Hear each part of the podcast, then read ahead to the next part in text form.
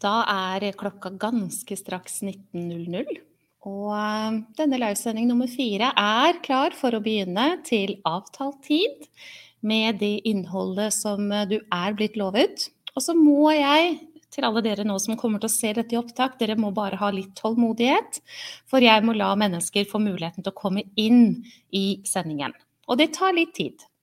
Nå kommer det til å gå litt tid før alle får beskjed om at nå er det sending, og så trenger jeg at de som kommer inn, de hilser på meg i kommentarfeltet. Jeg ser at det er noen som har kommet inn nå. Si veldig gjerne hei til meg når du kommer, og bekreft også veldig gjerne at du har både et OK bilde og OK lyd. Så vet jeg det. Foreløpig er det helt stille i kommentarfeltet. Da lurer jeg på hva som skjer. Der, vet du! Hei, Audhild, så hyggelig at du hilser på meg.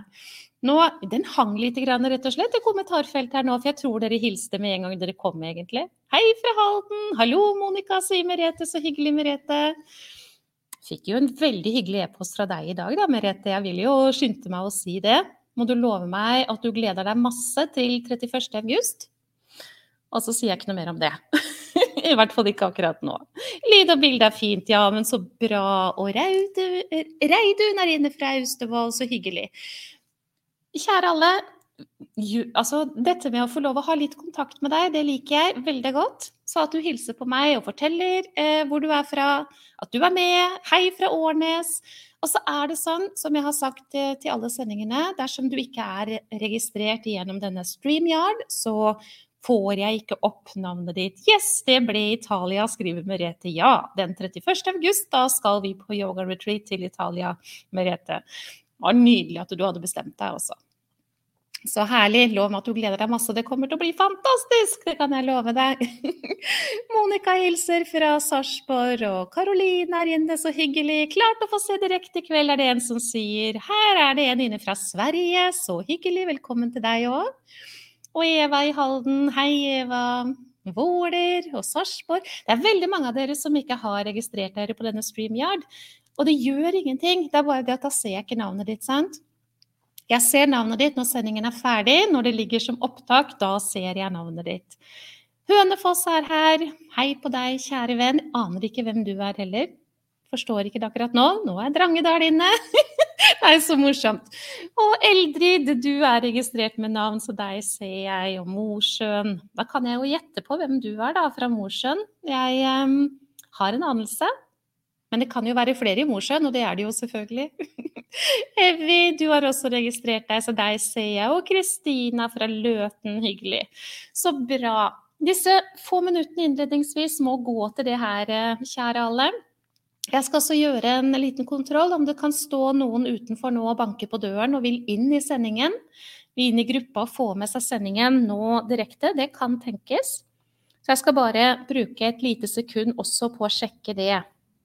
Og der var det et par stykker. Så da skal jeg slippe inn både Therese og en dame til. Så Gjør ikke jeg noe mer med det, da får de se i opptak. Og det blir jo mulig, men nå trenger du å vite at opptaksperioden, altså tiden du kan se, er begrenset. Alt blir borte for deg midnatt kommende uke, fredag. Så fredag, kommende fredag, det er ikke veldig mange dagene dit, men det er jo noen dager. Midnatt, så blir det borte. Åse er inne fra Andebu, så hyggelig. Og hei, Anita Elisabeth. Jeg er veldig glad for at du er her, Anita Elisabeth, for jeg har faktisk tenkt til å be deg og en del andre, alle som eh, kjenner meg fra før, har jeg tenkt til å be om en liten tjeneste i denne sendingen her.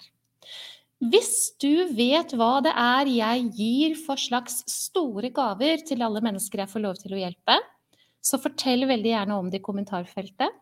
Nå er det jo sånn mange sitter og lurer på hvordan i all verden skal jeg få din hjelp. Jeg har fått mye e-post. Jeg har faktisk brukt over seks timer i dag til å svare på e-post. Og det er bare i dag. Jeg har holdt på noen dager nå med å komme rundt, så nå tror jeg at jeg er à jour. Og mange spør, noen vil stå og banke på døren og lure på om de kan stå i kø og i det hele tatt. Men mange av dere vet jo hva det er for slags tilbud som kommer etter denne sendingen. Det kommer et tilbud som eh, man kan si ja til uansett hvor man bor hen, fordi det er et nettilbud. Og så er det Anita Elisabeth, hvilket du ikke fikk muligheten til da du takket ja og valgte tillit til å skape endringer sammen med meg.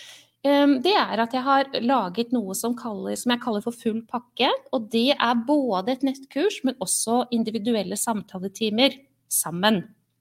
Og det kan jo hende, Anita Elisabeth, nå bare fortsetter jeg å henge på deg litt, at du skjønner hvorfor jeg har gjort det. Fordi det er noe med den tette oppfølgingen og de riktige spørsmålene og alt dette på veien som gjør virkelig en stor forskjell. Så til alle dere som sitter og lurer.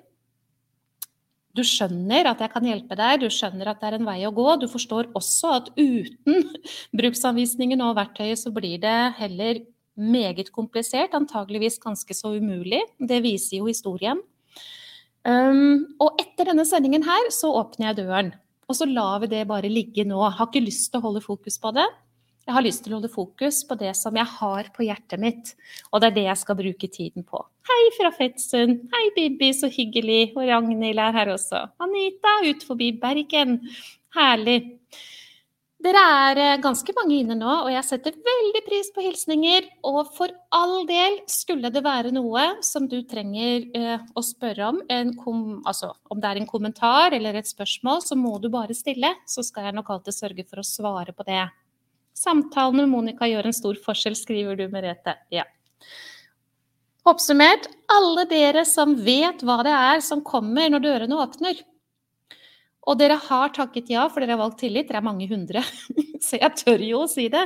Og hvorfor tør jeg å be om dette? Jo, fordi jeg vet at dere sitter med en erfaring som gjør en himmel i forskjell for dere. Det vet jeg. Jeg er lykkelig for at jeg valgte å ha tillit til at det var det jeg skulle gjøre for ti år siden. Hjelpe mennesker på denne måten.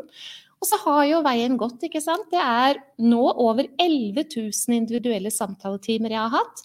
Og nettilbudet mitt, steg for steg, hånd i hånd, oppskrift på alt hva det er du trenger, det startet i mai 2019. Så vi begynner å bli Vi har gått en vei fra dit, og jeg sitter på denne erfaringen. Og det er det mange av dere som, eh, som kunne ha sagt noe om. Så hvis du vil dele noen ting, så velg å gjøre det. Det vil helt sikkert ha betydning for noen andre. Jeg har forsøkt alt hva jeg har klart å, å, gjøre. Mitt fokus gjennom disse tre forutgående livesendingene, det har jo vært punkt nummer én å fortelle deg hvor jeg var, og bevise for deg egentlig hvor jeg har kommet. Jeg har snakket med deg om dette med å reise ut fra stor ubalanse og til noe annet. Og jeg har snakket med deg om hvorfor mennesker lykkes kontra de som ikke lykkes. Og jeg har virkelig forsøkt alt hva jeg kan å fordype meg i forståelsen av helheten. For det er bare sånn, og det er viktig å ta det på alvor. Hvis vi prøver å reparere mennesker stykkevis og delt, hvilket jeg snakket mye om på onsdag, så vil vi sitte igjen med et resultat hvor man bare tenker etter hvert det er ingenting som virker for meg. Det kommer aldri til å bli på en annen måte. Ja, nå har jeg prøvd alt som er, jeg får bare ha det sånn, jeg, da. Men mangelen her er jo egentlig på helheten. Og mangelen er i veldig veldig stor grad på årsaken til hvorfor man har kommet i den situasjonen man har kommet i.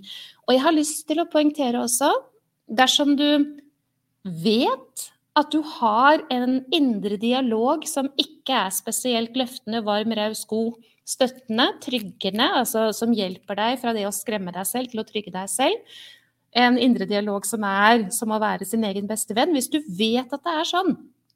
Eller du vet at du har lett for å bekymre deg. Eller du vet at du er opptatt av prestasjon, perfeksjon. Du har kanskje et stort kontrollbehov også. Du er opptatt av å være en people pleaser. Du er kanskje også, kan være det, konfliktsky. Hvis dette gjelder deg, så er det nesten oppskriften på å komme i en situasjon der fremme som du ikke vil være i når det gjelder fysisk kropp, sinnet ditt og i forhold til dine emosjoner. Beklager, men sånn er det.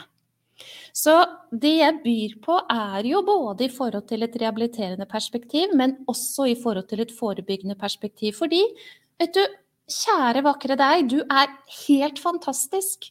Du bor i en helt fantastisk kropp, og den vil gjøre alt den kan for å holde deg balansert. Men det er bare det at på et eller annet tidspunkt så er nervesystemet så slitent, det tåler ikke mer belastning, og da kommer symptomene.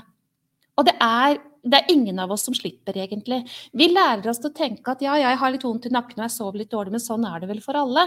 Ja, ja, det er litt smerter her og det er litt betennelser der og det er litt sånn og sånn. Og lite energi, det begynner jeg å ha, men jeg får hvile til helga. Jeg skal sove, skal hvile til helga, jeg vet, og så er jeg sikkert klar for en ny uke igjen.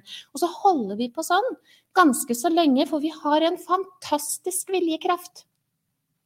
Overlevelsesevnen vår, viljestyrken vår, den får oss til å kjøre på, kjøre på, kjøre på, helt til vi gjentatte ganger har strukket strikken for langt uten å forstå det ofte også. Vi bare kanskje har en liten anelse om at hm, er dette så bra, liksom. Og så til slutt så kommer det.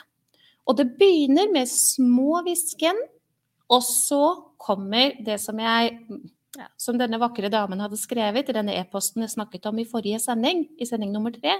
Det sier plutselig bare pang. Så du kan jo si det sånn at enten så har du kommet til pang, eller så kan det være at du er på vei til pang. Og jeg skulle jo ønske at du slapp det hvis du ikke har kommet dit. For eh, den måten vi lever på, vi som er prestasjonsprinsesser, kontrollører, perfeksjonistiske, konfliktskye kanskje også, eh, ikke vår egen beste venn, vi kommer dit hvor kroppene våre begynner å si ifra. Og det kan være veldig tydelig også. Min historie er min, men eh, jeg har ikke tall på hvor mange jeg har møtt som har sine historier som er veldig, veldig like. Og veldig like hun som skrev den e-posten som jeg tok for meg i forrige sending. Tusen takk, dere som deler i kommentarfeltet. Setter veldig pris på det, og det vil bety noe for noen der ute. Ok. Jeg sier altså vi må ha et helhetlig perspektiv. Vi må gjøre noe med årsaken, og vi må gå til roten til hvor dette her starter, altså denne årsaken, og det er i tanken. Når vi har tanker som er negative begrensende, så vil det påvirke nervesystemet vårt. Det sender signaler, som du har lært, ikke sant? Du vet dette nå. Til binyrene som skiller ut stresshormoner, og i den tilstanden der er du kreert for å overleve. Ok, og så blir man jo stående i den tilstanden over tid, og så begynner symptomer å komme. Det kan være ganske puslete til å begynne med. Litt lite energi, litt mindre glede, kanskje litt dårlig hukommelse, konsentrasjon. Ganske sånn veldig smått, egentlig. Sov litt dårlig, ja ja, men det gjør alle andre og sånn også.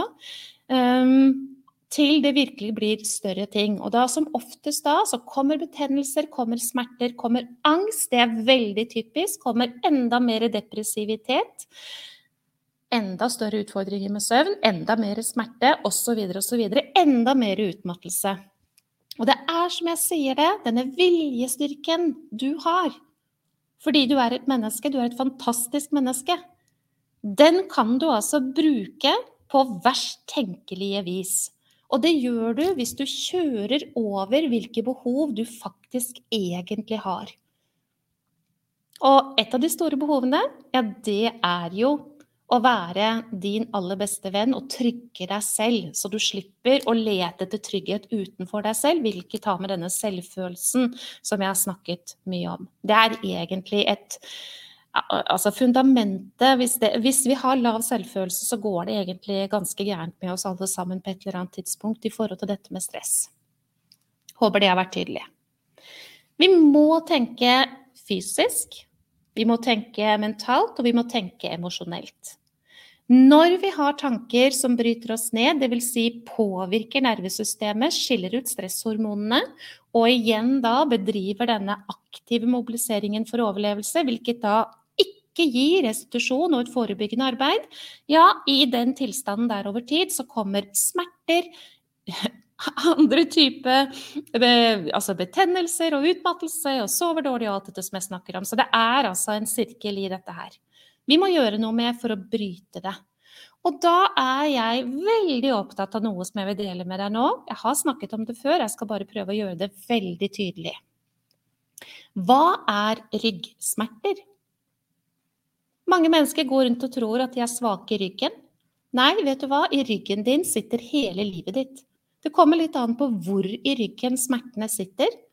Nede i korsryggen din er det oppsamlingsplass av noe, og høyere opp mellom skulderbladene eksempelvis, er det oppsamlingsplass for annet. Så hvis du ikke får gjort noe med det, hvis ikke du får rydda opp, kvitta deg med skrotet, putta det på bilen din, du har tilhenger på bilen, og så kjører du til søppelfyllinga, og så tømmer du ut altså det innholdet i tilhengeren din der. Det er jo det du gjør hvis du skal rydde opp. Hvis du virkelig skal rydde opp, så samler du sammen eh, skrot og rot, ikke sant? og så sjekker du åpningstidene på når du kan få levert dette. Og så kjører du av gårde, og så kjører du jo ikke hjem igjen med søpla, gjør du det da? Nei, men det er det du gjør hvis du f.eks. Eh, får en behandling på ryggen 'Å, det var så deilig og god sirkulasjon, og nå ble det så bra', og sånn. Men hvis ikke du har fått rydda opp i søpla di, så vil det symptomet komme tilbake. Du har egentlig kjørt i søppelfyllinga, og så glemmer du å ta ut søpla.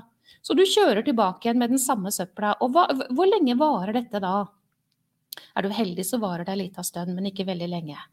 Så det som du har erfart i ditt liv, det legger seg i kroppen din.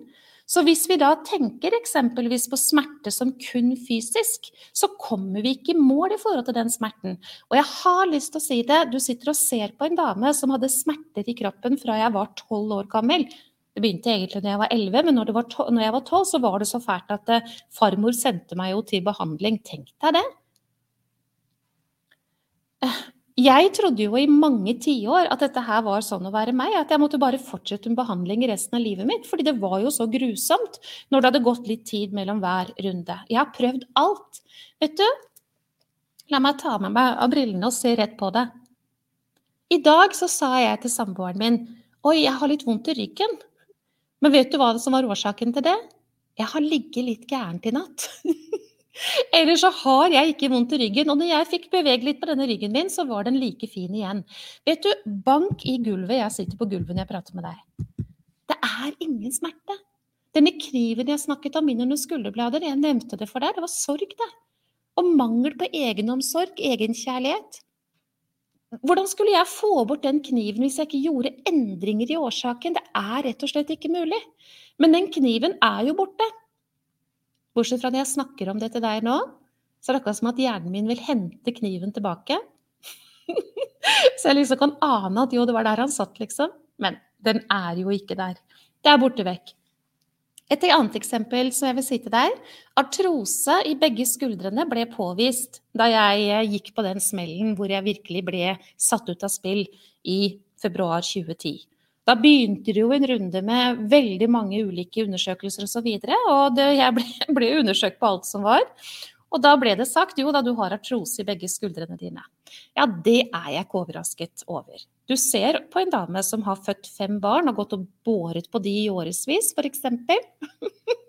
Jeg har malt mye vegger også, for jeg var sikker på at det å holde veggen i orden var mye viktigere enn å ta vare på meg sjæl, f.eks. Men jeg hadde veldig mye smerter i skuldrene mine. Men når hadde jeg smerter i de skuldrene sist? Ja, det husker jeg ikke. Hvis jeg ikke hadde gjort noe med årsaken til hvorfor jeg hadde smerter, så hadde jeg hatt de fremdeles, hadde jeg ikke det da? Og mange mennesker går rundt og tror at siden de har artrose, så må de faktisk bare ha smerte. Sånn er det. Får ta litt mer smertestillende, så går dette fint. Nei. Vet du, det finnes ingenting som kun er fysisk. Ingen verdens ting. Nakkesmerter, kjevesmerter, hva er det?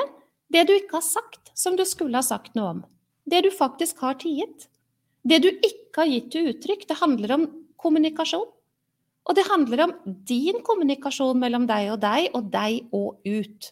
Hvis du ikke får et verktøy hvor du endrer på dette, hvordan skal det da gi seg? Nei, det kommer det ikke til å gjøre. Nå bare nevner jeg noen eksempler for deg. Hoftesmerter, hva er det? Veldig typisk er hoftesmerter sorg. Sorg, alt som ble som det ikke skulle, alt som ikke ble.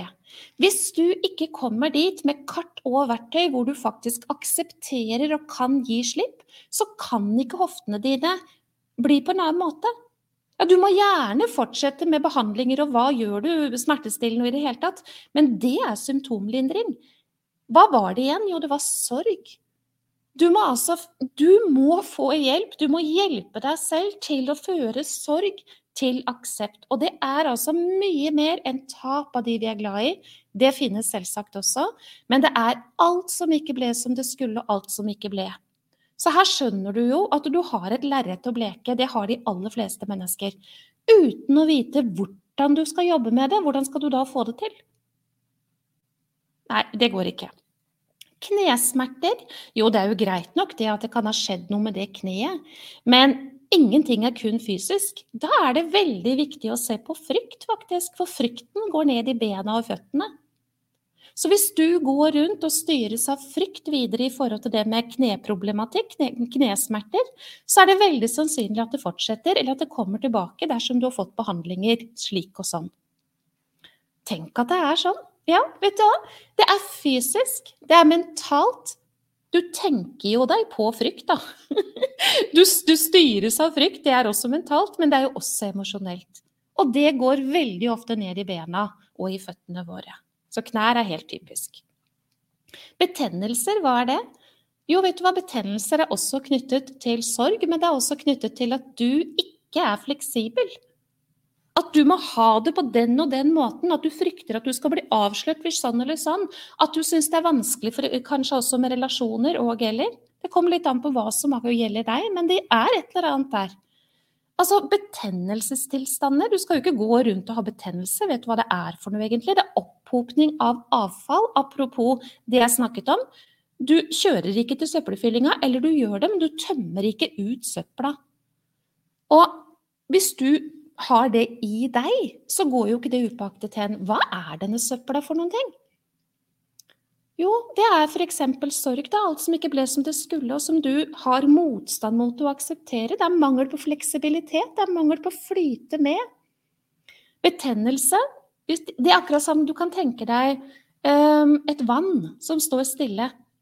Du har sikkert lært sant, at hvis du skal gå tur i skogen, og så har du med deg neverkoppen din, og så skal du drikke fordi du er tørst. Da må du ikke drikke av det stillestående vannet, er du fortalt. Mm. Det gjør du ikke. Du ser jo på det vannet, og det ser ikke bra ut. ikke sant? Og kanskje det lukter også. Der er det opphopning av noen ting. Men det rennende fine vannet, ja, der kan du stikke koppen din under og forsyne deg og drikke godt. Vet du hva? Det er det som skjer i menneskekroppen også. Betennelser er det stillestående vannet hvor det blir opphopning av avfall. Og det både lukter, og det er ikke greit. Men hva er den avfallen? Jo, det er motstand mot det som foregår i livet. Det er motstand mot det mennesker har sagt og gjort. Det er motstand mot det du selv har sagt og gjort. Det er frykt, og det er redsler, og det er mye greier, og det er kontroll, og det er ikke måte på. motstand mot å sveve med, og det er som det er, og det blir som det blir, og nå er det sånn, og det er ok. Motstand mot det der blir f.eks. betennelser. Tar med søpla hjem fra søppelfyllinga, godt sagt, sier Kirsti. ja. ja. Vi, vi, vi, holder på med det hvis ikke vi øker vår bevissthet og lærer oss til å gjøre dette på en annen måte, for det er det det handler om. Hva er egentlig mangel på søvn? Jo, det er jo soldaten på vakt, slik jeg snakket om det. Du har bekymringer, du har frykt, du har redsler, du lar det gå oppi her, du har kanskje mangel på tro på at du skal håndtere. Hva kommer til å skje dersom at du visste om at blæ, blæ, blæ, blæ, blæ. Og da er du i beredskap for overlevelse, da får du ikke lov til å sove. Og kanskje du sover og sover og sover og ikke er restituert. Nei, det er igjen et underliggende stress. Stresshormonene kjører på. Du er i overlevelsesberedskap selv under søvn. Du får ikke produksjon av veksthormoner, og dermed blir du ikke restituert. Så det er altså årsaken til noen ting hele tiden. Det er følelsesmessig, det er mentalt, når du så ikke sover, så er det jo definitivt mentalt det foregår, ikke sant? Tanke, tanke, tanke, tanke. Kroppen er i overlevelse. Du får ikke sove. Og det er også følelsesmessig ganske så utfordrende. Nevner et eksempel til. Høyt blodtrykk. Hva er høyt blodtrykk? Det er jo en del av stressresponsen.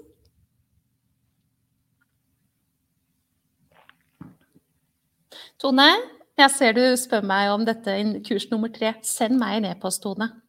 Gjør det. Så skal jeg svare deg på det personlig i en e-post. Det ville være nydelig om vi kunne få til det. Så bare send meg en e-post. Men hva er høyt blodtrykk? Vet du hva? Kanskje overrasker det deg, eller kanskje ikke, men som oftest er høyt blodtrykk følelser som er undertrykte. Og det finnes drøssevis av mennesker som går rundt og sier ja, men høyt blodtrykk vet du, det har gått i vår familie, det. Det er bare sånn det er hos oss. Det, så det er klart, altså, Her er det høyt blodtrykk overalt, og det er klart jeg også har høyt blodtrykk. Ja, men punkt nummer én, høyt blodtrykk er en del av stressaktiviteten. Hvorfor skal stressaktiviteten være på? Mm, veldig ofte er det knyttet til, i dette tilfellet når det gjelder høyt blodtrykk, følelser som ikke har kommet til uttrykk. Dempet, lagt ned. Vi tar ikke tak i dette. I vår familie så tier vi. Vi løfter ikke på noen ting. Det kan veldig gjerne komme, eksempelvis som høyt blodtrykk. Så poenget mitt er bare Det er altså så viktig å forstå at det finnes ingenting som kun er fysisk. Det er alltid også mentalt og emosjonelt.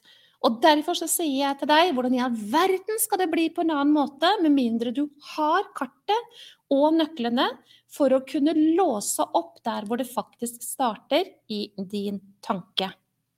Det er helt avgjørende, rett og slett. Jeg lurer på hvordan tror du at mennesker har det som eh, står sterk og trygg i seg selv. Mennesker som eh, gir seg selv den beste omsorg. Mennesker som helt naturlig setter grenser, sier nei til annet og andre og ja til seg selv. For det er det som skjer når man sier nei til annet og andre. Så sier man ja til seg selv. Mennesker som ikke tror på sine tanker, men som skjønner at eh, ok, her var det aktivitet i det negative sinnet. Jeg har en jobb å gjøre.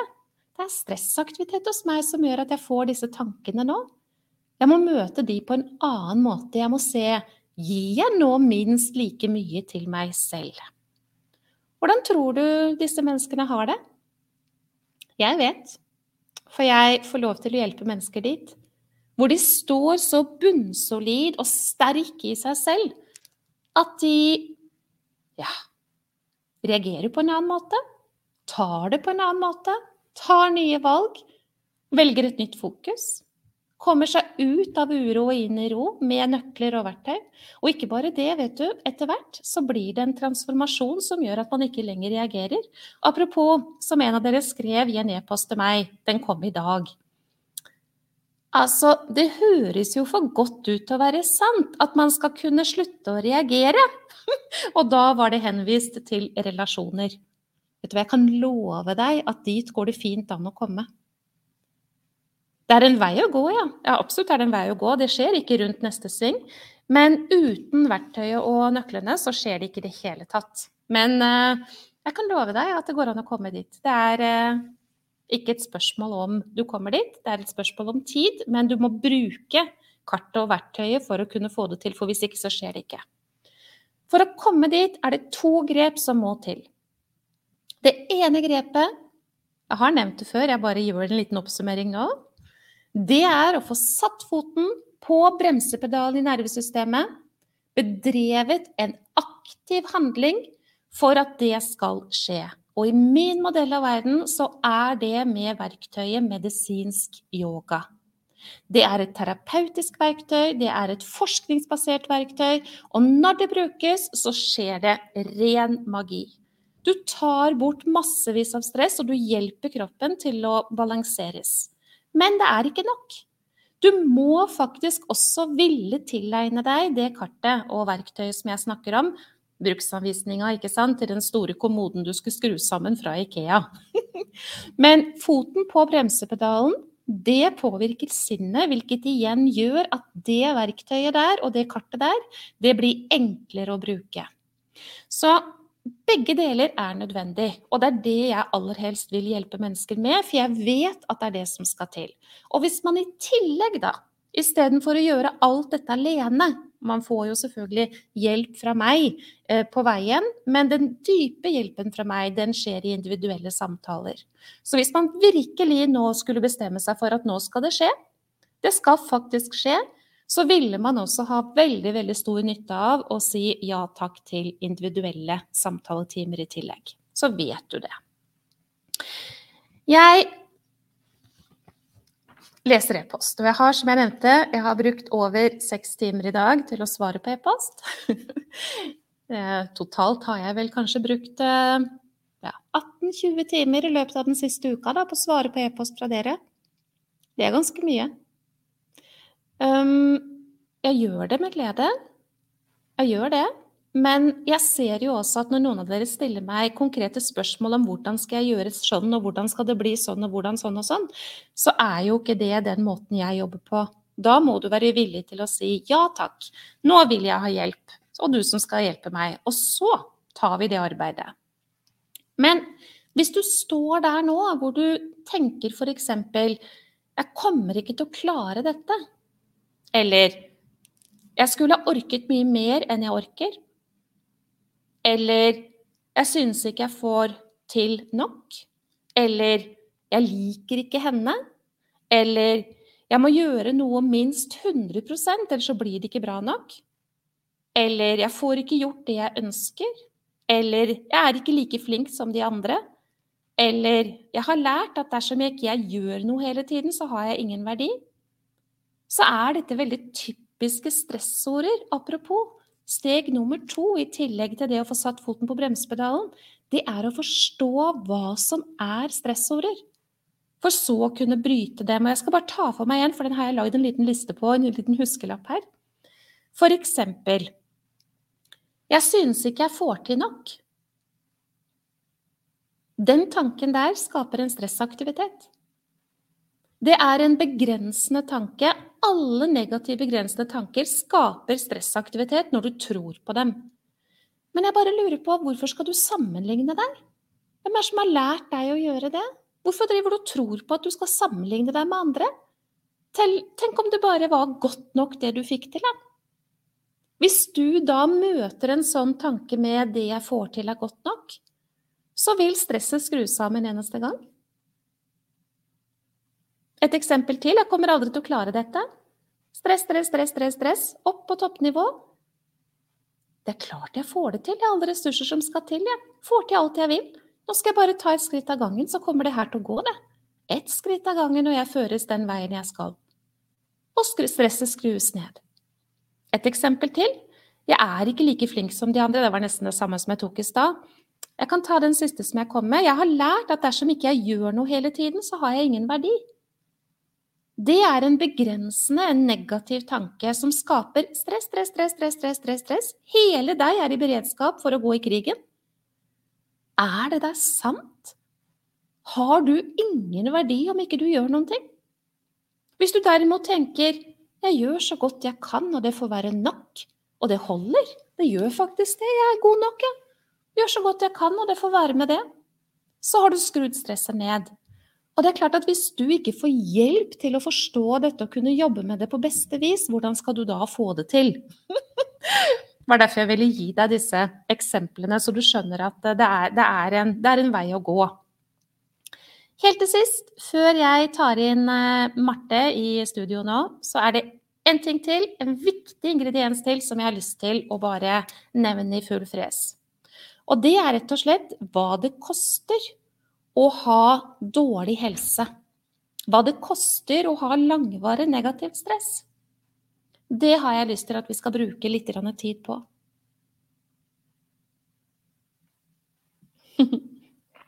Nydelig hilsen i kommentarfeltet.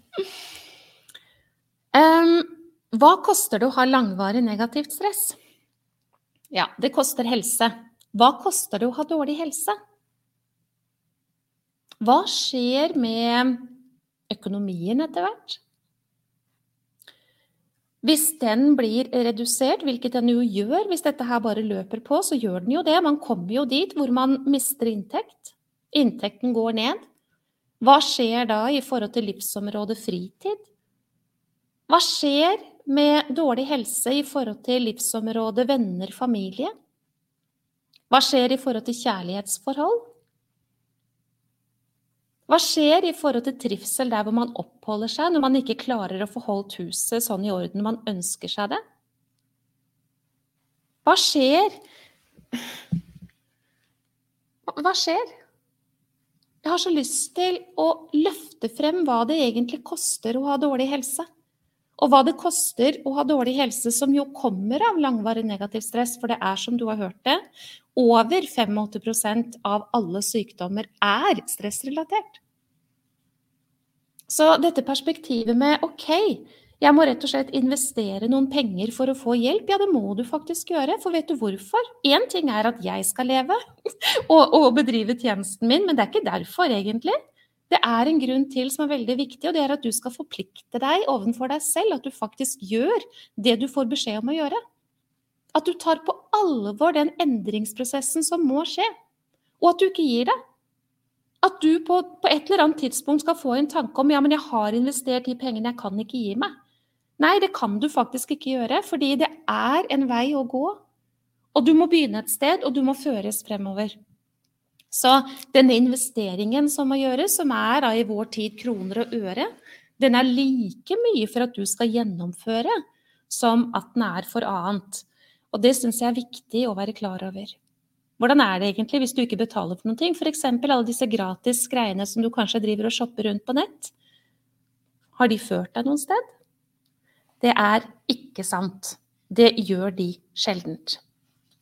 Så tanker, og følelser setter seg i kroppen. Det vi har i toppetasjen, det kommer til uttrykk i hele oss. Vi blir brutt sønder og sammen, og det siste som gir slipp, det er kraften vår.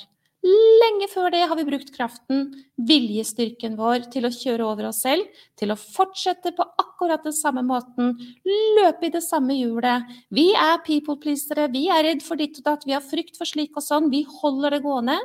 Helt til vi får døra rett i panna. Og da lurer vi på ja, nå har det blitt sånn å være meg, og sånn får jeg alltid ha det. Men det må du absolutt ikke. Det er et arbeid å gjøre.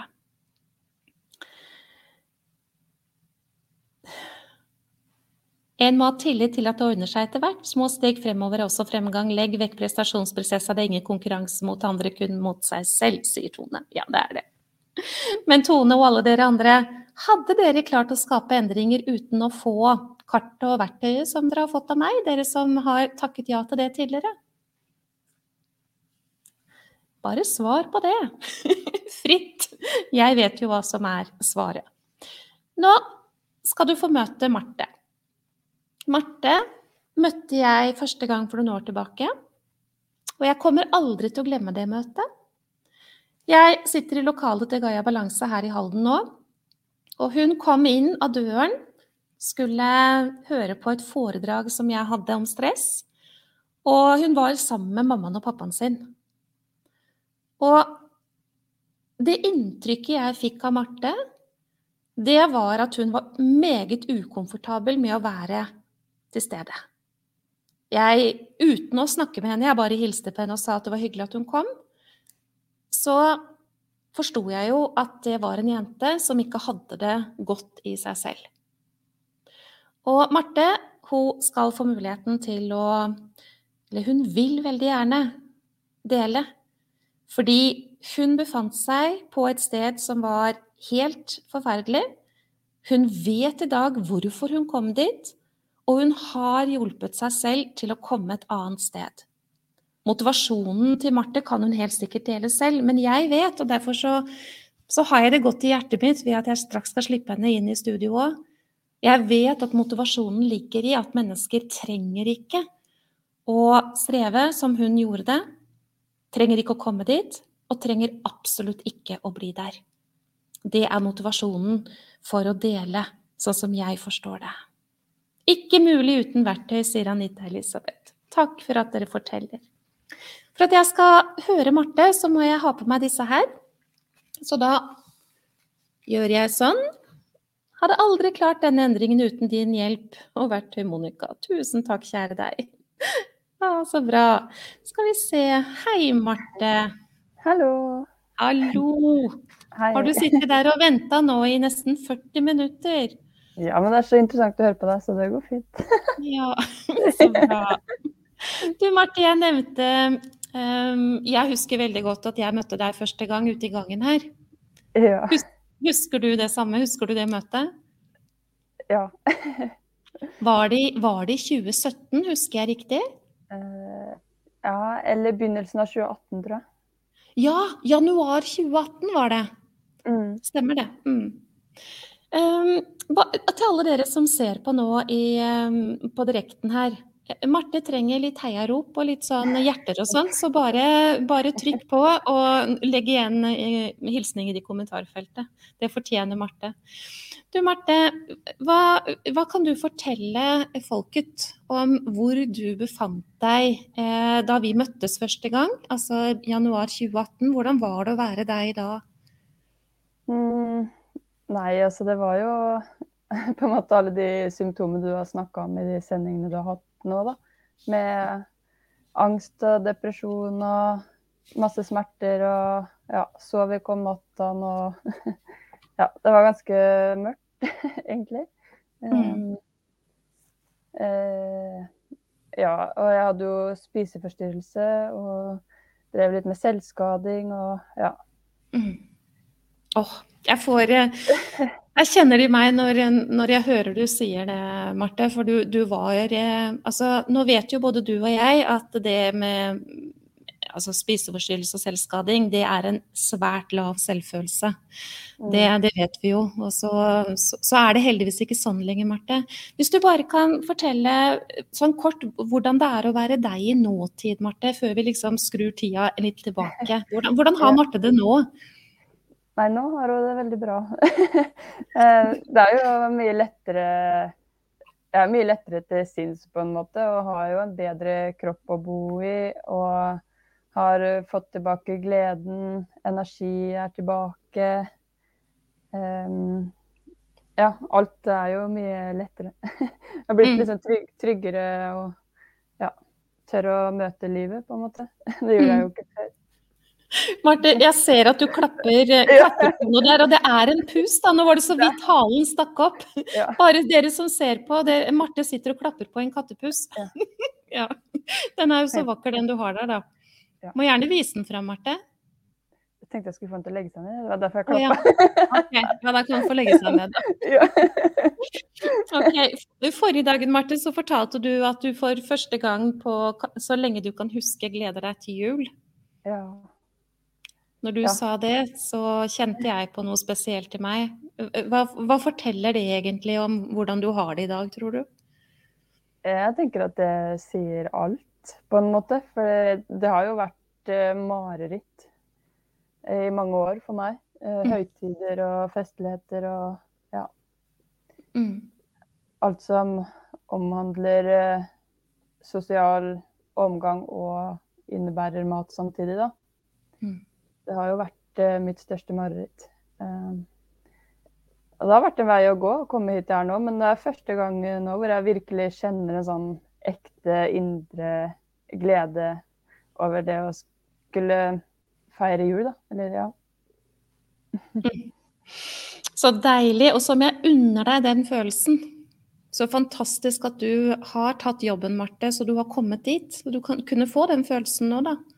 Mm. Hvis jeg hadde sagt til deg ute i gangen her i 2018, januar 2018 at når vi snakker med hverandre på en direktesending søndag 30. november, nei, søndag 30. oktober, vi er jo vi er kommet dit, i 2022 så kommer du til å sitte og si at du gleder deg til jul. Hva hadde du sagt til meg da? Nei, jeg hadde nok ikke trodd på det. Nei. Du hadde trodd jeg var vill og gal, antageligvis. Ja. Ja, det skjønner jeg veldig godt. Du Marte, kan ikke du bare fortelle litt om, um, om uh, hvordan det har vært å være deg? Altså både kroppen og mentalt og følelsesmessig. Hva, hva trenger disse mm. menneskene å forstå eller få høre for å liksom skjønne hvor du var hen? Uh, nei, altså Først så kan man egentlig starte med Ja, det starter jo i barndommen, som du også har sagt. Jeg er nok født som et uh, eh, sensitivt barn. Og har vært veldig sånn redd og usikker ja, helt fra jeg var eh, liten. Eh, og så har jeg vært heldig Jeg har vokst opp i en familie som har gitt meg masse kjærlighet og omsorg og ja, gjort alt da, mm. for at jeg skal ha det bra. Mm. Eh, og jeg har jo også blitt fortalt det, helt fra jeg var liksom en liten baby, så kunne jeg aldri få eh, nok nærhet. Eh, Så selv om de prøvde alt de kunne, så var det nok vanskelig å eh, trygge meg fullt og helt, da. Mm. Um, og så ja, vokser man jo på en måte til, og så eh, kommer jeg borti noen folk eh, på en gård. Eh, jeg begynte i en stall hvor det var noen voksne mennesker som ikke var eh, så greie. Eh, som på en måte brøt oss jentene der ned, da, for å si det sånn. Mm. Eh, og det sto jeg i, i veldig mange år uten at jeg turte å eh, si noe hjemme. Fordi jeg var så redd for Det var en hest der som jeg fikk god kontakt med, som jeg var så redd for å miste. Eh, og sånn er jo vi Sånn er jo barn, på en måte. Eh, er man redd for å miste noe, så tier man. Mm. ja, og etter hvert da så begynte jo smertene å komme. Jeg var vel rundt 11-12 år når jeg begynte å få vondt i ryggen og eh, sånne ting, da. Eh, ja. Mm. Og så balla det seg jo på med symptomer med ja, vondt i hodet nesten hver dag. Jeg hadde masse magesmerter. Mm. Og så fikk jeg vondt i skuldra. Så ja, slutta man jo å sove om natta. Så ja. Ja, Marte, og oppi alt dette her så, har, så klarte du jo å ta utdannelse. ja. Ja. Jeg gjorde det. Det er jo på en måte Jeg har jo også vært den eh, flinke pika, Mm. på en måte. Og jeg har jo hele tiden hatt en maske på. Alltid glad. Mm. Lo hele tiden, sa alltid ja til alt. Så det var ingen rundt meg som skjønte hvordan jeg hadde det inni meg. For jeg var veldig opphengt i det der at det, Men jeg har, det, har et så godt hjem, jeg har vokst opp så trygt, så jeg har ikke rett til å ha de følelsene jeg har, da. Ja. Eh, så jeg visste jo aldri noen følelser ut, og jeg møtte jo aldri noen følelser i meg heller. Mm. Det var liksom bare om å gjøre å smile seg gjennom dagen, og så ja, bare komme seg gjennom, da. På en måte. Mm. Mm. Um, og det samme var det jo med utdanning, så jeg var veldig sånn, når jeg begynte på noe, så skulle jeg fullføre. Mm. Eh, og jeg jobba jo Eller mens jeg var i utdanning, så hadde jeg to jobber og to hester. Og konkurrerte på helgene og sånn. Og det um, jeg fikk det, det til å gå rundt den gangen, det skjønner jeg ikke nå, men det gjorde jeg jo. Mm. Uh, så var det vel et halvt år etter jeg var ferdig utdanna og hadde fått meg fast jobb, så fikk jeg prolaps i ryggen. Ja, akkurat. Har du tenkt på, Marte, for du, du har jo lært en del siden den gangen. Har du, har du tenkt på hva det egentlig handlet om? Den prolapsen som kom da? Ja, altså det er jo på en måte alt uh, følelsene man har inni Mm. seg, da, som man ikke har møtt. Og ja, Mm. mye frykt og Mm. Mm. Og så måtte jo den komme for at du skulle sette inn bremsepedalen. For jeg, Mm. øh, hvordan var det den prolapsen påvirka deg? Hva skjedde? Nei, jeg var jo Ble jo ute av jobb en stund, da. Mm. For jeg klarte jo ikke å gå omtrent. Mm. Eh, Mm. ja. Hvordan var den indre dialogen da, Marte? Kan du huske det? Hvordan, hva, hva foregikk i hodet ditt i den tida der? ja det, jeg var jo ikke noe snill med meg sjøl med den indre stemmen. Det var jo Jeg følte meg jo mislykka og lat og ja, Mm. alt sånn, da. Mm. Mm. Det ikke jeg Så fikk den- noen ting og Ja, ganske rampete egentlig med Marte. Ja. Så Marte som fikk pro- prolaps i ryggen fordi hun egentlig skulle forstå at nå har hun kjørt over seg sjøl i alle år, ja. skulle jo da eh, Altså, kroppen prøver å si ifra, og så fortsetter jo den indre dialogen kanskje enda verre, da, fordi du ikke klarte å jobbe, ikke sant? ja.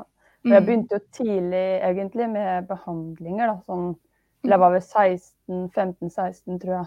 Mm. Når jeg begynte å gå til kiropraktoren. Fordi jeg hadde så vondt i ryggen og nakken og hodet og Mm. skuldre og overalt. Mm. Eh, og det var jo ja, fysioterapeuter, muskelterapeuter, ja, Mm. alt mulig rart som man kan komme over, egentlig. da.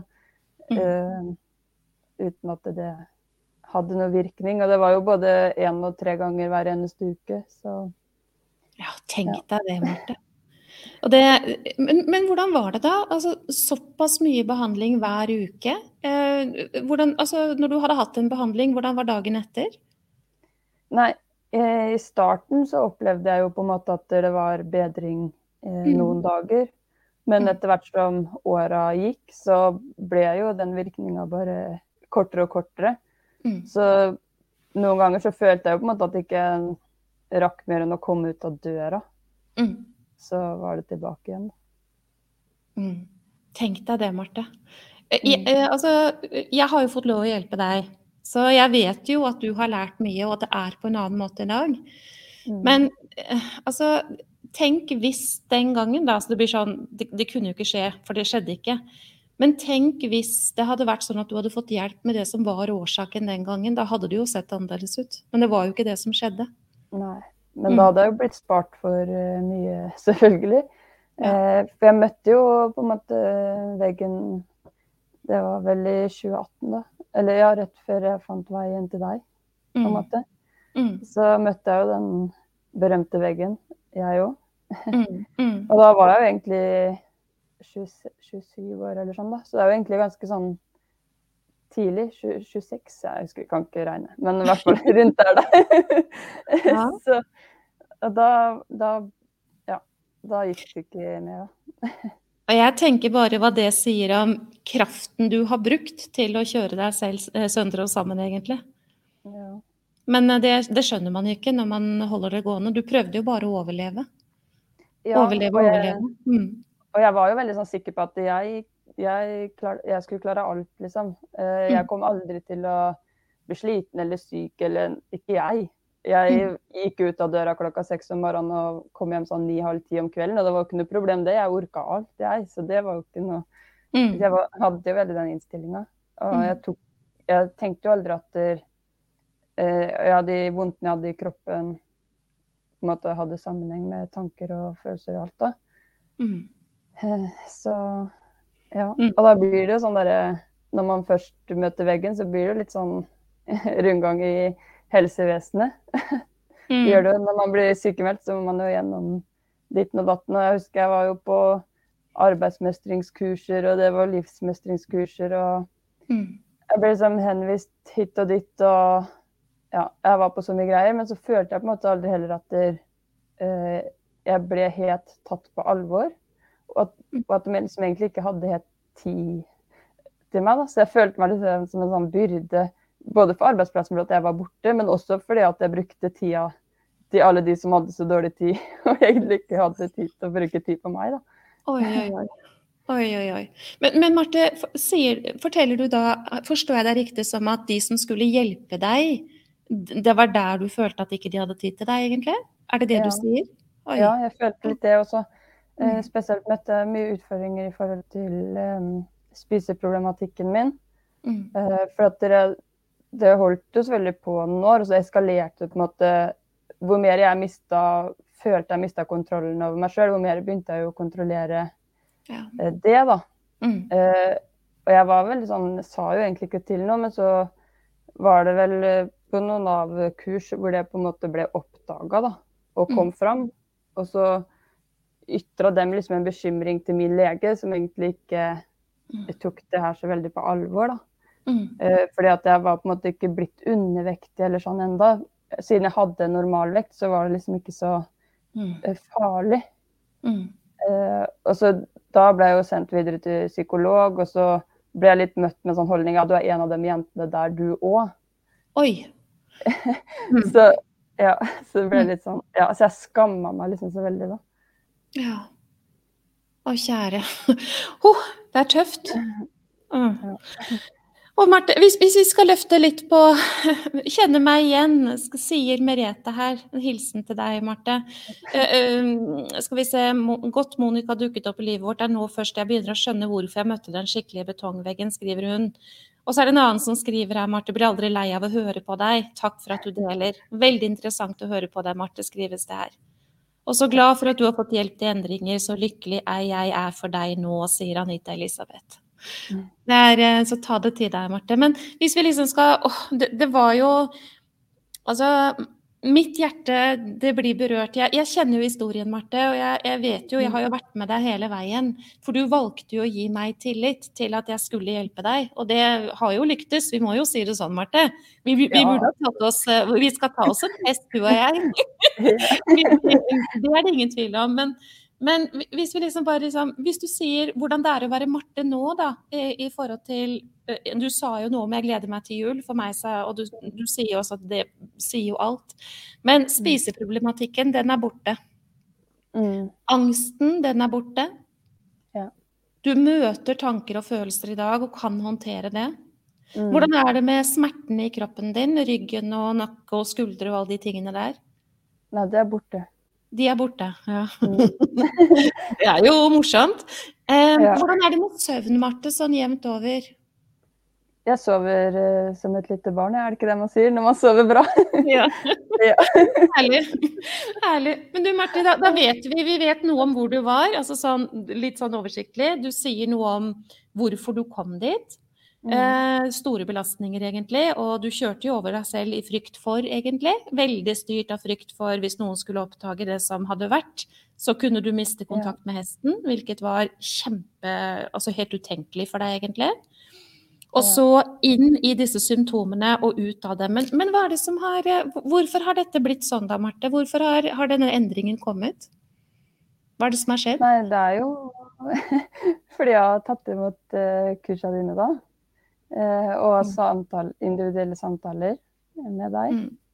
Um, jeg hadde jo aldri klart det uten de verktøyene og kartet. Jeg hadde ikke funnet ut av det her på egen hånd.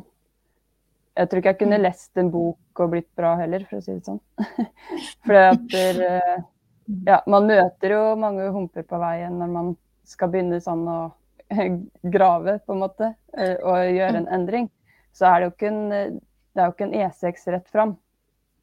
Mm. Uh, så det at du har vært der hele veien, er jo, det er jo helt avgjørende. Mm.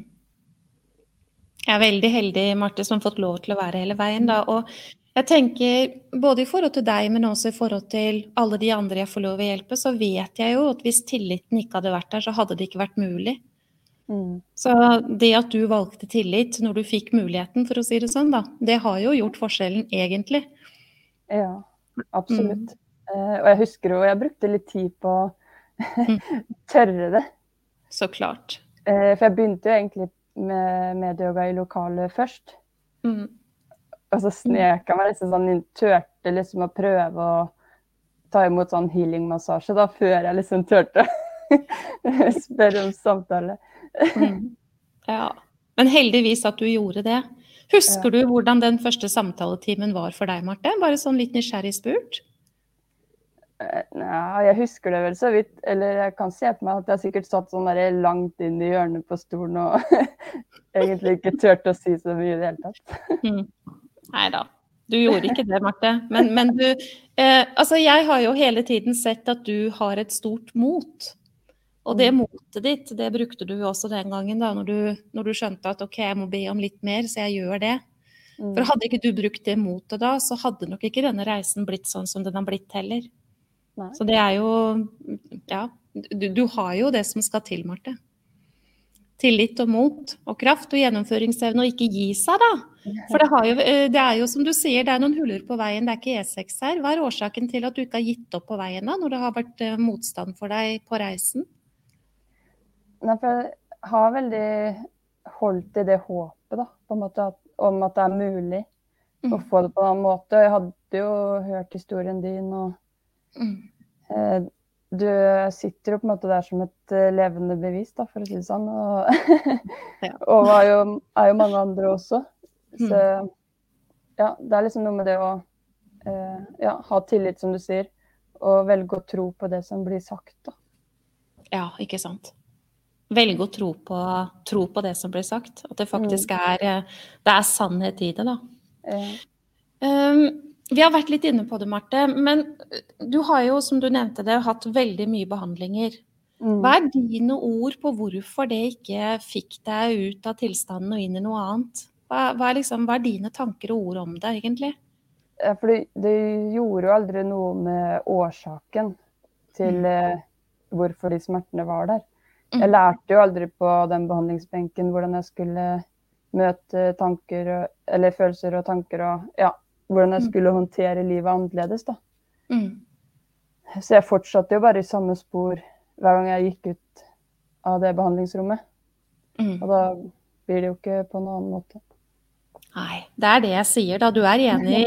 Din erfaring er at det faktisk er sånn. Din Ja. erfaring også, ja. Mm. Hvordan er det du håndterer en litt utfordrende situasjon i dag, Marte? Hvis det skjer noen ting, f.eks. i forhold til relasjoner, hvis du uten å nevne navn eller situasjon eller sånn, bare litt sånn Altså det skjer en situasjon på jobben, da. For det, Mm. det må vi jo si, Marte. I dag så Og du har jo hatt en lang periode hvor du har jobba 100 Mm. Mm, Det er jo annerledes. Det er jo, ikke, det er jo ikke sånn det var i forhold til jobb heller. Men hvis vi tenker oss at, um, at det skjer en situasjon på jobben Mm. um, eh, som gjør noe med deg, eh, du blir følelsesmessig berørt på et eller annet vis. Mm. Hvordan håndterer du det i dag i forhold til hvordan du gjorde det før? Nei, altså Før så var jeg jo veldig sånn der konfliktsky. Så da bare var jeg helt stille og lata som ingenting. Og så bare putta man den følelsen inn i kroppen òg. Mens Mm. nå har jeg jo på en måte lært meg å møte det, da. Og liksom er mye mer bevisst på ja, det å ha med seg pusten og eh, liksom hvordan skal jeg møte meg selv når jeg opplever det jeg opplever nå. Og så har vi jo f.eks. lært eh, å bruke den fantastiske kommunikasjonsmodellen i kurset ditt.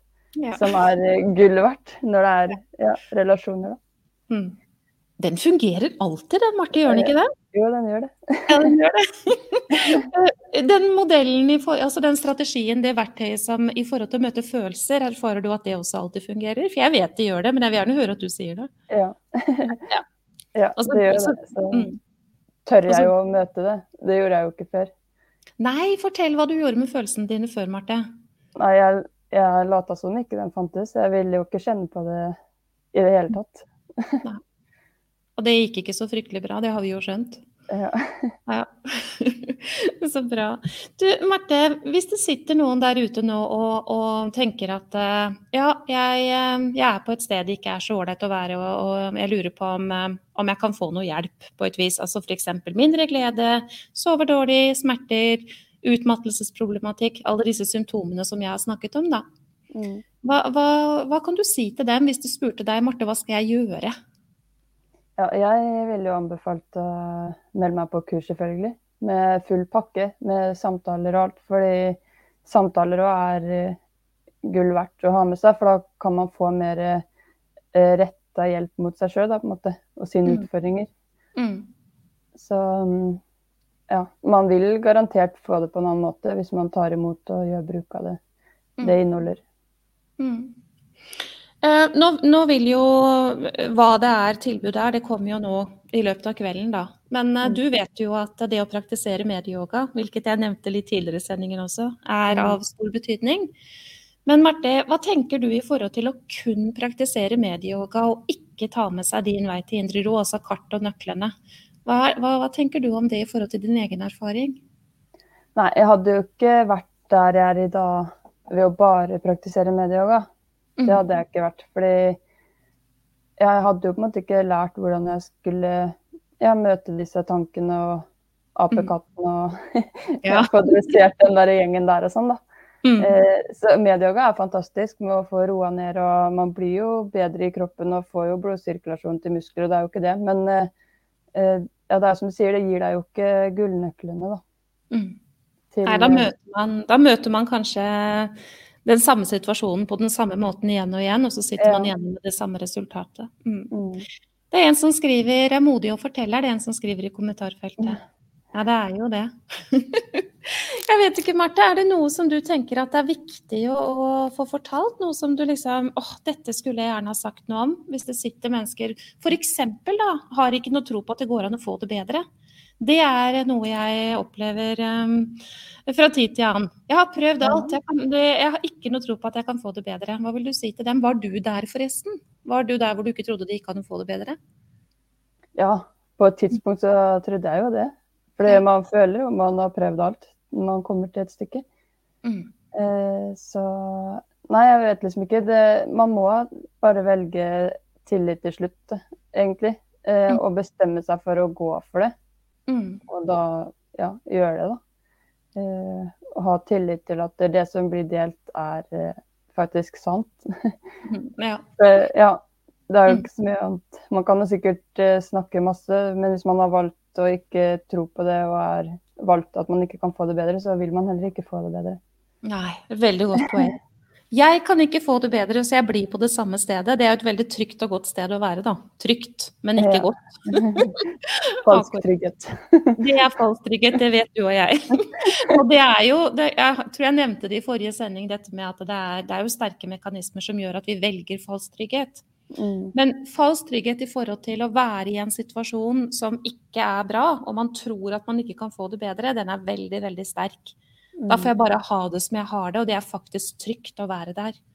Det blir utrygt å bevege seg ut av det, fordi det vil bli en annen tilstand. Så det er, det er sterke mekanismer som ligger i dette her. Veldig. Eh, Marte, jeg har jo snakka mye, eller i hvert fall en del, om dette med selvfølelse. Mm. Eh, eh, hvis du skulle si noe om hvordan din selvfølelse var opp igjennom før du møtte veggen, Eh, hva, hvor var du hen da? Nei, den var uh, heller dårlig, vil jeg vel si. Ja. Jeg var jo veldig sånn til å snakke meg selv ned og ja, redd mm. for det meste, eller sånn. Ja. Det var jo mm. veldig dårlig selvsnakk. Ja. Hadde ja, så lav selvfølelse man nesten kan få, tror jeg. Ja. Og det var som jeg sa, de sa spiseutfordringer. Såpass sterkt som du hadde det også. Det, er, det, er, det, får man ikke med mindre man har en veldig lav selvfølelse. Men, men, merker du, Marte, bare litt sånn enkelt sagt, at du er en bedre venn av deg selv i dag? At du er tryggere i deg selv, og at du er, ja, du er litt triveligere å være sammen med, rett og slett? I deg selv? jeg merker jo det, absolutt. Og jeg merker jo at jeg også er en bedre person for de rundt meg. Jeg har egentlig alltid vært veldig opptatt av at andre skal ha det bra og sånn, men uh, jeg klarer jo ikke å gi uh, eh, ubetinga ut når jeg er så slem mot meg sjøl, hvis jeg kan bruke det ordet. Mm. når man ikke har det noe bra sjøl, så er det ikke så lett å være den beste for andre heller.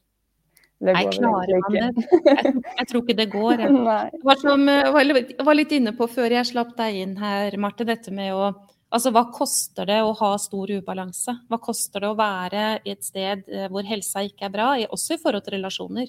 Vi mm. klarer jo ikke, vi får liten tålmodighet, vi blir reaktive. Vi blir frustrerte, sinna, vi reagerer på måter som ikke er godt, og så sitter vi oftest igjen med en dårlig samvittighet, for det var ikke bra det som skjedde. Mm.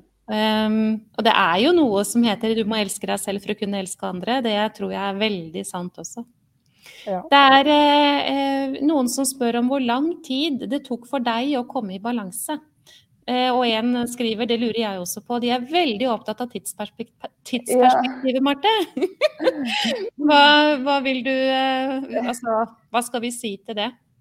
Ja, jeg har ikke vært så veldig opptatt av tidsperspektivet. Jeg har hatt veldig sånn Jeg har tenkt at det må ta den tiden det tar. Mm. Eh, det er ikke noe jeg liksom jeg vil jo ikke stresse med å komme til et sted, for da er jo på en måte mot sin hensikt. Mm. eh, så jeg har brukt lang tid på å bryte meg ned, og da må det også nødvendigvis ta litt tid å bygge seg opp igjen. Men det tar jo ikke på langt nær så lang tid. Mm. Og jeg tenker det liksom å holde seg i balanse er jo på en måte en, en prosess som pågår hele tiden. Fordi mm. man ja, tar jo valg hver dag som fører til en eller andre. Eh, mm. Så ja. Mm. Men heldigvis på veien så skjer det en transformasjon òg, da. Så man slutter ja, ja. å reagere på Absolutt. samme måte som man gjorde før. Og det blir litt lettere etter hvert. Ja. Men, Men sånn, det, er, mm. ja, det som liksom har kanskje sittet lengst i, da, for min del, er jo på en måte spiseproblematikken. Mm. Det er jo den jeg har brukt eh, kall det lengst tid på å mm. komme ut av. Mm. Hvor eh, på en måte, jeg har møtt det på en annen måte lenge, men tanken har hele tiden vært tilbakevendende, da. Mm. Så må jeg møte dem igjen og igjen og igjen, og så plutselig en dag så, så er de ikke der. Nei, og til og med lar deg få lov å glede deg til jul. Ja. Tenk deg det, Marte. Det, det, er, det, er, det er så fantastisk, og det er så stor bekreftelse for deg som det bare går an å få. Mm. Men, men, det jeg tror er litt viktig å være klar over for menneskene der ute som lurer på hvor lang tid ting skal ta.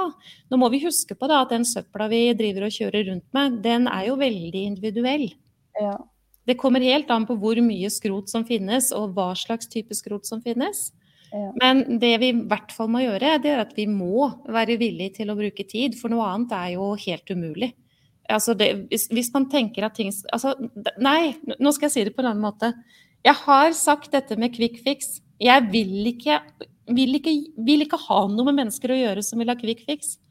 Jeg vil ikke hjelpe dem. Jeg vil ikke bruke noe av min tid på mennesker som vil ha quick fix. Jeg har ingen tro på det, og de skal ikke jeg ha noe med å gjøre. men at det skjer noen ting. Og veldig mange blir jo faktisk overrasket over at eh, Oi, men jeg merker jo ganske raskt at det er litt annerledes nå. Jeg sover bedre om natta, er jo egentlig de første tingene som kommer for de fleste. mm. Mindre smerte, det er også noe som blir sagt, og mer energi. Og det tar ikke, det tar ikke Altså, man bruker mye lengre tid på å bryte ned enn man bruker på å bygge opp. Det ikke, kan ikke sammenlignes i det hele tatt, heldigvis. da. Nei, nei, absolutt ikke.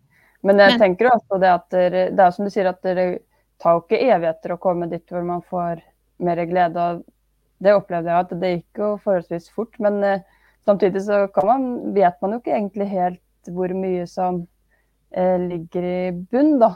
Eller i hvert fall visste ikke jeg det når jeg begynte å jobbe. Så der er det jo individuelt, som du sier. Ja, hva er det som dukker opp av hatten eller av skrotet? ja. men, eh, men en ting er for sikkert, de som velger at nå er tiden inne, nå skal jeg begynne å gå, de vil jo bevege seg mot et annet sted. Og jeg ser jo til min store glede, kjære alle som legger igjen hilsninger, dere som kjenner til prosessen og, og byr på, dere skriver det jo. Eh, at uh, det tar tid, men uh, vi, vi kommer oss framover. Og det, det, altså, tiden det, altså, jo, men La oss avslutte med det, Marte. hvis du kunne forestille deg at du skulle kunne komme dit du er nå, i den kroppen og det sinnet du har nå, med glede til jul og alt mulig. Hvis du, skulle, hvis du skulle komme dit uten det som du har fått av meg, da, for, for å si det sånn, den jobben som du, vi har gjort, du har gjort, men jeg har fått være med på. Ja. Eh, Tror du at du hadde vært der da? Hadde det vært en mulighet for det? Nei, da hadde jeg ikke kommet dit. Nei? Nei, det, det er det du Det er jeg ganske sikker på. Ja, det, det tror jeg ikke. Mm. Uh, nei. Hvorfor ikke? Nei, for jeg, jeg tror på en måte Jeg hadde ikke klart å uh, holde i det her alene, for å si det sånn. Jeg tror ikke jeg hadde klart å finne en bok heller som uh, forklarer så bra, på en måte. Mm. Og ja, det er noe med det derre ja, med at du er der, da, og man kan liksom stille spørsmål hvis det er noe man lurer på. Og så kan man ha individuelle samtaler mm. som hjelper deg på veien. Da. Det er jo ikke noe Det er vel som jeg sa en gang, i, i sånne selvhjelpsbøker så kan du ikke ringe forfatteren, liksom. Hva mener du med det her? så, det, er liksom... det er sikkert noen som gjør det, men det spørs om man får noe svar. så, ja, det er bra. Og så er jo kurset Det er jo veldig sånn fint lagt opp. Jeg bare tenkte på det Hender jo noen er litt skeptiske til liksom hvor mye tid det skal ta, om de kommer til å klare det og er mm. utmatta og ja, alt mm. det der, da. Eh, og når jeg starta på kurset, så var jeg veldig sånn, hadde veldig dårlig konsentrasjon og sånn. Mm. Så det å lese var egentlig litt utfordrende. Mm. Jeg klarte aldri å få med meg det jeg leste. Når jeg hadde lest mm. to linjer, så huska jeg jo ikke hva jeg hadde lest. Nei. Og det at det er bygd opp med både tekst og video hvor du formidler, det er jo gull verdt. Ja. Tenk deg det. Herlig. Um, um, ja. Er det, er det, noe du liksom tenker nå, og dette må jeg få sagt, Marte, hvis det er noen som sitter der ute og, og tenker å, dette skulle jeg nok ha gjort, eller kanskje det er for meg, eller hva Eller kanskje det ikke Jeg, jeg vet ikke, Marte. Skal, skal, du si noe mer, eller skal vi la det være med det? Jeg tenker i hvert fall det er viktig at de eh, velger seg selv, setter seg selv først. Og gir seg selv det de har behov for. Mm. Mm. Mm. Og de aller, aller fleste som, um, som, jeg hjelper, de har ikke satt seg selv først på mange, mange, mange, mange år. Nei. En som stiller et spørsmål her. Følte du å komme mer og mer ut av utmattelsen da du startet hos Monica? Mm. Mm. Og det er nok eh, både prosessen og sammen med medieyoga. Mm. Helt alt, da, på en måte. Mm. mm. Og det er derfor jeg anbefaler begge deler. Ja. ja. Så bra. Uh, modig du, Marte, sier Merete. Veldig god inspirasjon for andre. Du får masse hjerter i kommentarfeltet, Marte. Jeg, um, jeg tenker at det er greit. Ja. Så tenker jeg at uh, hvis det er noen som lurer på noe og stiller spørsmål, så uh, om du har anledning, Marte, til å følge litt med i, i kommentarfeltet og bare svare hvis det kommer noen, er det greit for deg? Ja, ja. ja. Det går fint. ja. Jeg skal følge med. ja. Eh, jeg får alltid beskjed om, når, når, noen liksom deler, så er det Ja, eh, hvorfor er det de gjør det? Eh, det er liksom litt sånn mistenksomhet eller et eller annet. Men Marte, med dine ord, hvorfor har du valgt å, å stille opp og si det du har gjort i kveld?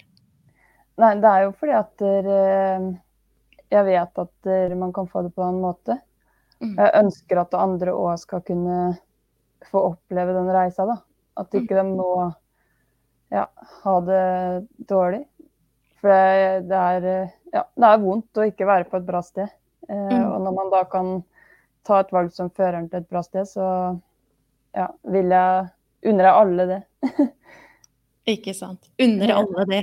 ja. Å, det er nydelig, Merete. Eller Marte. Marte Merete. Jeg, nå går det helt skjult, fordi jeg, jeg, sitter og leser på en kommentar som Merete har skrevet.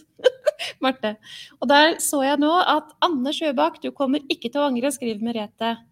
Um, da har Anne Sjøbakk lagt igjen en kommentar, og det er en dame jeg er veldig glad i. Og hun har da tydeligvis, antageligvis, eh, lagt igjen under en sånn Facebook-user her at jeg skal melde meg på kurs. Og Merete svarer 'kommer aldri til å angre', sier Merete. Og da har jeg lyst til å si at hjertet mitt også begynte å løpe veldig. Anne, kjære Anne. Du vil aldri angre. Jeg har aldri, aldri angre. Og så har jeg sendt deg en e-post i dag, eh, Anne. Jeg vet ikke om du har sett e-postkassa di. Um, bare, bare du, du, Det ligger en e-post der. Så hvis, uh, ja, hvis du nå skulle bestemme deg for å melde, melde deg på kurs, så er jo det Ble jeg ordentlig glad. Og det, det ble Marte òg, det er jeg helt sikker på. Du inspirerer og viser at det er mulig å få hjelp til store endringer, du Marte, sier Anita Elisabeth. Og kjære Anita Elisabeth, du kunne også ha sittet her og fortalt.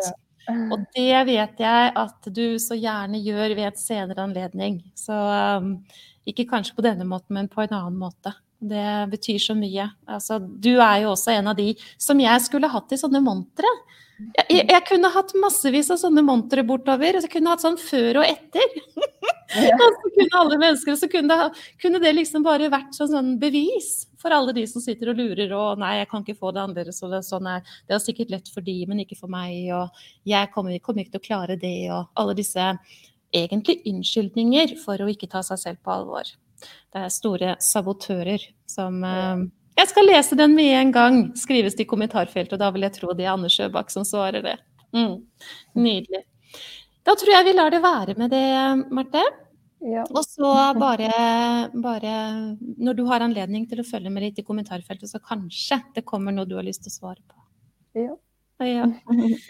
Da må jo jeg bare få lov å si at jeg er veldig takknemlig for det du har delt, Marte. Og det vet jeg at du vet. Så det er litt godt for meg å vite òg at du vet det.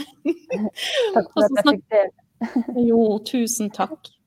Og er det noe, så kan du sikkert svare på det hvis det skulle være sånn. Ja. ja. Ha det, Marte. Ha det. Ha det. Da får jeg muligheten til å ta, av de der. Jeg blir jo helt Åh! Jeg vet ikke hvordan det er med dere hvis dere bruker sånne øretelefoner. Jeg føler meg helt moset når jeg har dem på. Tusen takk begge to, sier Elisabeth. Så hyggelig. Da er egentlig denne workshopen som var eh, gitt til deg, helt gratis fra mitt hjerte til ditt, den er egentlig over. Hvor mye koster sånn full panke? Ja, vet du hva. Det får du ikke her nå. Du får eh, klikke deg inn på en lenke som blir gitt nå etter hvert når denne sendingen er slutt, så gir jeg all informasjonen tilgjengelig. Da kommer det en post her i gruppa hvor du får muligheten til å orientere deg i det landskapet. For ei sterk og flott jente, ja. Så stolt du kan være av deg sjøl, er det en som skriver til Marte. Det er bare så sant. Det er det ingen tvil om. Tøft av deg å dele, Marte, skrives det. Du kommer sikkert til å se, se alt det i, eh, i, kommentarfeltet. Det var jo før denne workshopen gitt ut eh, både fem dagers pusteutfordring. Pusten er ikke nok. Pusten må med i selskapet, det er helt riktig, men ene og alene er ikke pust nok. Overhodet ikke.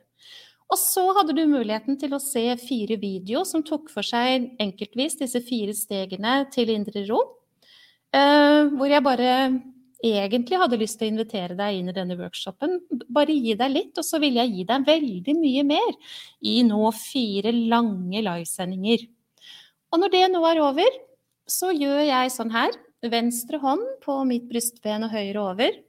Og så har jeg tillit til at deg som skal ha min hjelp, du rekker hånden i været og sier ja, det vil jeg, jeg er klar. Selvsagt betaler jeg det det koster, det skulle da bare mangle. Sånn er det. For hva er det verdt da å skape varige endringer i eget liv, så man kan stå der i trygghet og håndtere utfordringer? Så disse store stressordene som hele tiden ellers vil velte deg over ende, ikke behøver å gjøre det. Hva er det verdt å få selvfølelsen på plass? Hva er det verdt å få god søvn? Hva er det verdt å bo i en best mulig kropp? Hva er det verdt å ha et trivelig sinn? Altså, hva er det verdt å kunne ha gode relasjoner, ikke minst til seg selv? Hva er det verdt å ha energi? Hva er det verdt å ha glede? Som Marte sa det, rørende for mitt vedkommende. Jeg gleder meg til jul. Kan ikke huske sist. Hva er det verdt? Vet du hva, den prisen som det koster å få min hjelp, den er forsvinnende liten i forhold til alt dette. Det kan jeg love, så det kan ikke være et argument. Det blir brukt mye penger på mye som ikke er av så stor betydning. Det vet vi også. Du finner trygghet i deg selv. Du eh, skaper endringer, varige endringer i stressordene som ellers vil bryte deg ned til evig tid.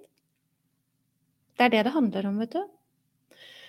Og du vil møte tanker og følelser på en annen måte, hvilket igjen gjør at stressnivået går ned, og du fører deg selv stadig mot økt trygghet og det gode i deg, hvilket du trenger for å ha det godt, på alle mulige måter. Og du vil også etablere en ny modell av verden, så du tar nye valg. For din modell av verden, den ble ferdig etablert da du var ca. tolv år. Det er frykt og redsel og skyld og skam og svik og alt dette med dårlig samvittighet osv. osv. som preger deg i dag. I størst grad ligger frykt og redsel, kanskje også sorg, det som ikke ble som det skulle, og det som ikke ble. Og hvis den modellen av verden skal fremdeles føre deg framover, så kan ikke du med det si at du tar vare på deg selv. For det gjør du ikke. Og her ligger årsaken til over 85% av den uhelsen som vi har, dvs. Si altså diagnoser, sykdommer. Hvis du får bruksanvisningen og verktøyet, så kan du, akkurat som Marte og hundrevis av andre, skape endringer. Det er ingenting i veien for det. Det er ikke forskjell på deg og de, eller meg for den sakens skyld. Vi er like. Men vi må ha verktøy, og vi må ha bruksanvisning, ellers så skjer det ikke. Det tror jeg har blitt veldig tydeligere, håper jeg i hvert fall. Om det er en lett vei? Nei. Hadde det vært det, så hadde vel ingen behøvd å dra på seg åket og disiplinere seg og ta ett steg av gangen. Men uten kartet er denne veien nærmest umulig pga. disse dype sporene som jeg har snakket om. Med kartet, med en erfaren fjellfører, så går dette her som bare det, ett steg av gangen. Jeg vil ikke hjelpe mennesker som eh, ikke vil hjelpe seg selv. Jeg vil ikke hjelpe mennesker som vil ha en quick fix. Jeg vil ikke hjelpe mennesker som ikke sier 'Monica, nå er tiden inne'. Jeg ønsker å skape varige endringer. Ikke fordi jeg nødvendigvis har kommet til stor ubalanse, men jeg vil ikke komme dit. Eller jeg har kommet dit, og jeg er tvunget til å skape endring. Jeg vil ikke hjelpe de som sier 'jeg har prøvd alt', kommer ikke til å funke. Jeg vil ikke hjelpe de, men jeg vil hjelpe deg når du ikke står der. Og helt til slutt Jeg er verdens heldigste. Jeg har hatt et veldig tøft liv i forhold til min barndom, i forhold til all den uhelsen og ubalansen som jeg fikk i forhold til alt hva jeg erfarte. Jeg har hatt enormt mange år med smerte og ubalanse. Enormt mange år med angst og depresjon. Jeg har hatt fibromyalgi, jeg har hatt lavt stoffskifte, jeg har hatt høyt blodtrykk. Jeg har sovet elendig om natta, jeg har vært livredd, jeg har skremt vettet av meg selv. Jeg har vært på et sted hvor det var helt fryktelig å være. Og jeg er så takknemlig for at jeg har erfart alt det der. Fordi det er det, og den kunnskapen som jeg har tilegnet meg i kraft av å være utdannet med et helhetlig perspektiv, som gjør at jeg får lov til å hjelpe mange mennesker. Og dette her hadde jeg heller ikke fått gjort hvis ikke jeg hadde ett menneske i mitt liv som gjør det mulig, i tillegg til meg selv. Og det er min samboer. Hvilket jeg jo nevnte, kom til å si her i første sending eller noe, om at vi snart skal gifte oss. Han har stått der. Han står der fremdeles. Gjennom mareritt. For vi møtte hverandre da jeg var syk. Jeg gjorde alt jeg kunne for å forsøke å få han bort. Jeg lyktes ikke med det, heldigvis. Og når jeg da valgte å starte det jeg driver med, så var det et arbeid som krevde 16-18 timer i døgnet i perioder. Aldri mindre enn 12. Han gikk inn, tok tak i alt som ellers er i livet, med mathandling og husvask og middagslaging og øvelseskjøring. Hadde ikke han gjort det, så hadde jeg heller ikke fått lov til å hjelpe alle de menneskene jeg har fått lov til å hjelpe. Og da kjenner jeg at jeg blir dypt rørt, og så slutter jeg her. Det er opp til deg. Vil du, så er jeg her. Og vil du ikke, så er det helt greit at du befinner deg på det samme stedet. Men du fortjener det beste, og sånn er det. Tusen takk for at jeg har fått lov til å dele med deg. Ha det.